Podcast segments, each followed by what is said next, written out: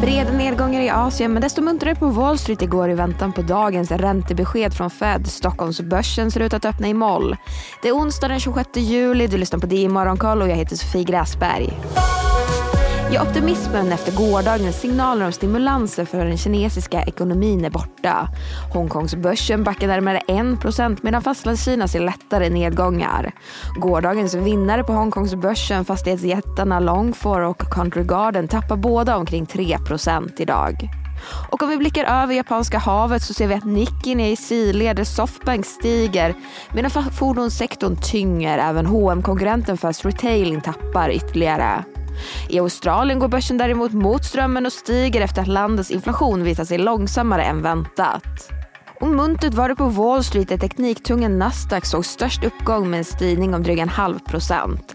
Där väntar marknaden spänt på dagens räntebesked från Fed och väntat är en höjning om 25 punkter till 5,5 procent. Men om vi tittar på enskilda bolag från senaste handelsdagen, dag, gårdagens sorgebarn, blev Spotify som backade tvåsiffrigt och gjorde sin näst sämsta handelsdag någonsin. Bolagsrapporten som i stort var i linje med förväntan visade på större förluster än väntat och förespådde en lägre intäktstillväxt framåt än marknaden hade räknat med. Men starkare rapporter väntade efter börsstängning. Microsoft rapporterar över förväntan men tappar något i efterhanden. Bland annat så fortsätter omsättningstillväxten på bolagets molntjänst att sjunka. När det kommer till molntjänster så Googles moderbolag Alphabet däremot stiger i efterhanden efter en stark rapport som slog förväntningarna. Där kunde bolaget bland annat visa på ökade intäkter från just molntjänster och Youtube. Men på tal om sociala medieplattformar, sämre såg det ut för Snap.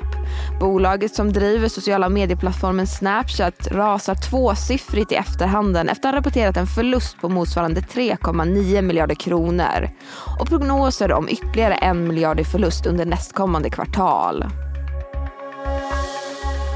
Sverige så det blev en spelsuccé för Embracer-studiospelet Remnant 2. Spelet toppar bland annat den globala bästsäljarlistan på den digitala spelplattformen Steam. Försvarsbolaget Saab har fått order från Polens försvarsdepartement på två radarspaningssystem för 600 miljoner kronor. Systemen ska levereras de närmsta två åren. Och fototeknikbolaget Profotos VD Anders Hedebark köper aktier för 10 miljoner kronor efter fredagens rapport. Och det blir många rapporter även idag under morgonen kommer Hexagon, Traton och Medicover med sina rapporter för att nämna några. Men det var allt för den här nyhetsuppdateringen. Det är Morgonkollet tillbaka igen imorgon. Jag heter Sofie Gräsberg.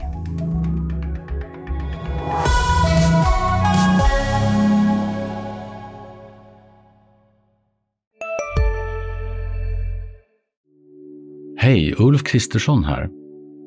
På många sätt är det en mörk tid vi lever i. Men nu tar vi ett stort steg för att göra Sverige till en tryggare och säkrare plats. Sverige är nu medlem i Nato. En för alla, alla för en.